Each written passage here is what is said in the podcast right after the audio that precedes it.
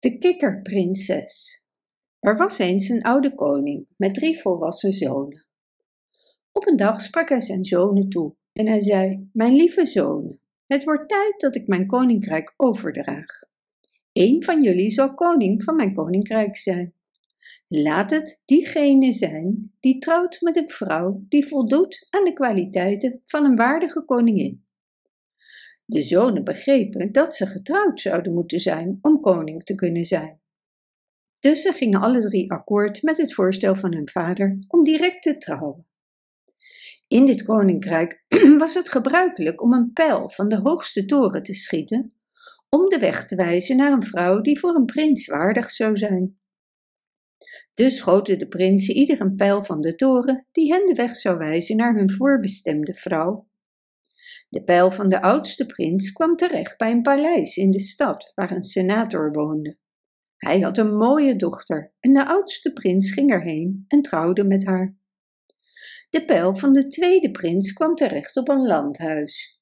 Er leefde een prachtige jonge dame. Ze was de dochter van een rijke koopman, dus de tweede prins ging erheen en trouwde met haar.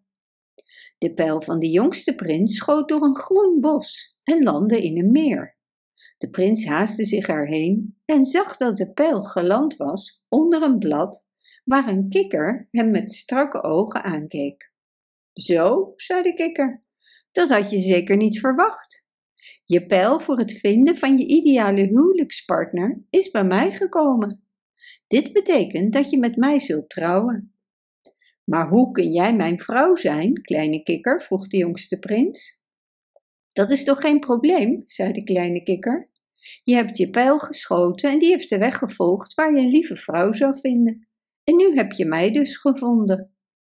Je bent heel wijs, kleine kikker, zei de prins. Maar vertel me eens hoe ik met je kan trouwen. Hoe zou ik je kunnen voorstellen aan mijn vader? En wat zullen de mensen over ons zeggen?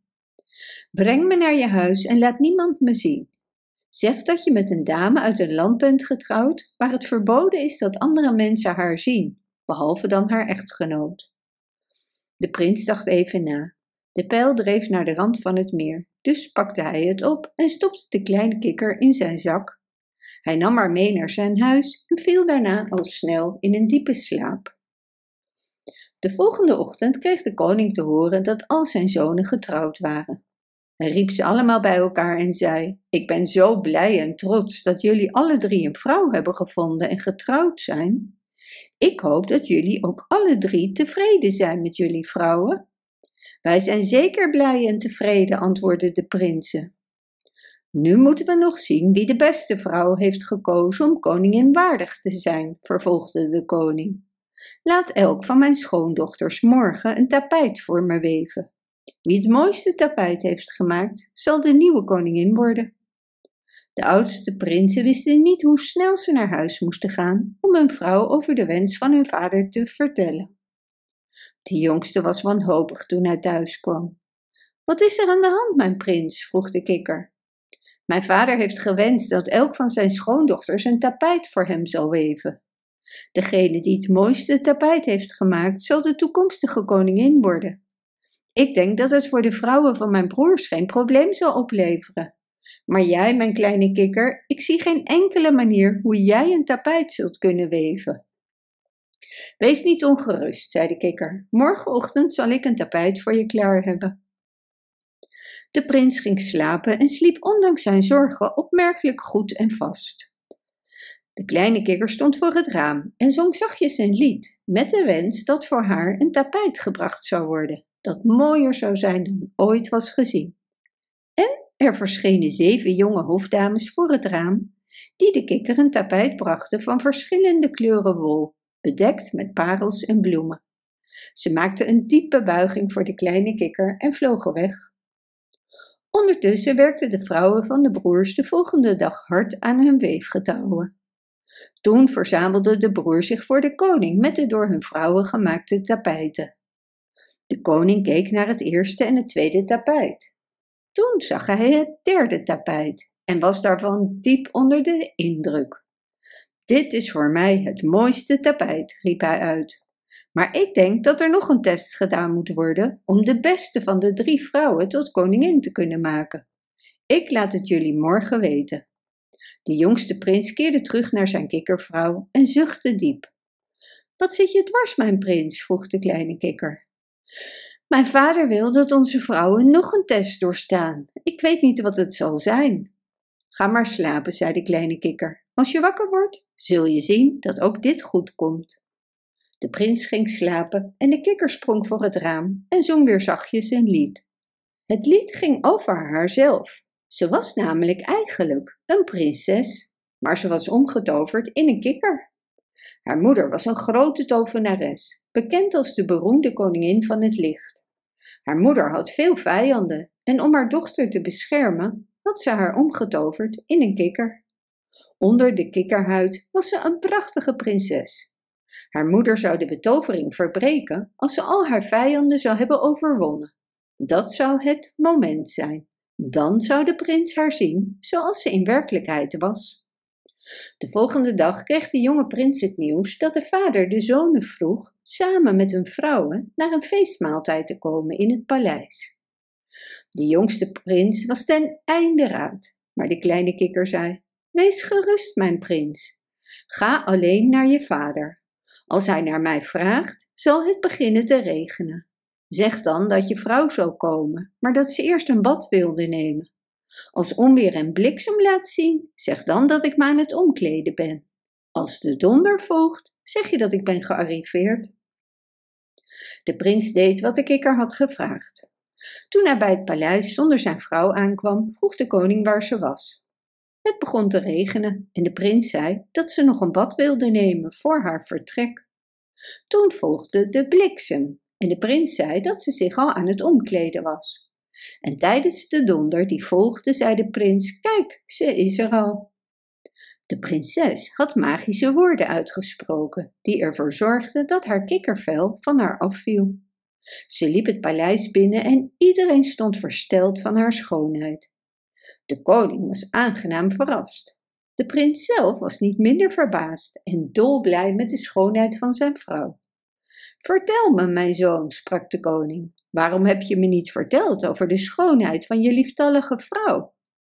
De prins vertelde zijn vader alles en de koning zei: Ga dan nu naar huis, mijn zoon, en gooi haar kikkerhuid in het vuur. Kom dan zo snel mogelijk terug. Dan zal ze blijven zoals ze nu is. De prins deed wat zijn vader hem had gezegd. Hij gooide de kikkerhuid in het vuur en keerde daarna direct terug naar het paleis van zijn vader.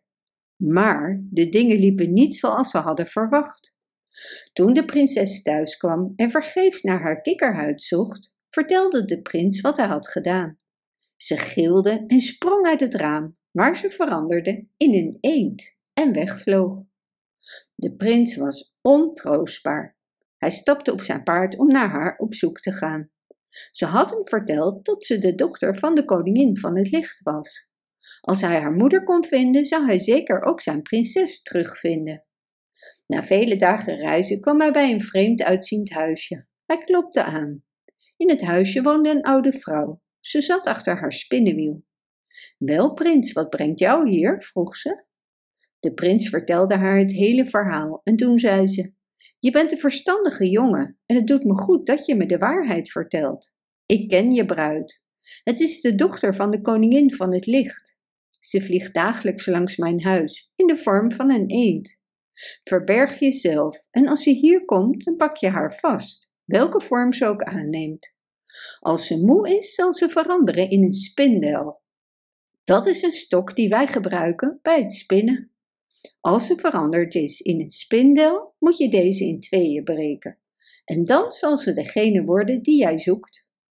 Niet veel later kwam de eend aangevlogen. De prins probeerde haar te pakken, maar de eend wist te ontsnappen en veranderde zichzelf in een duif.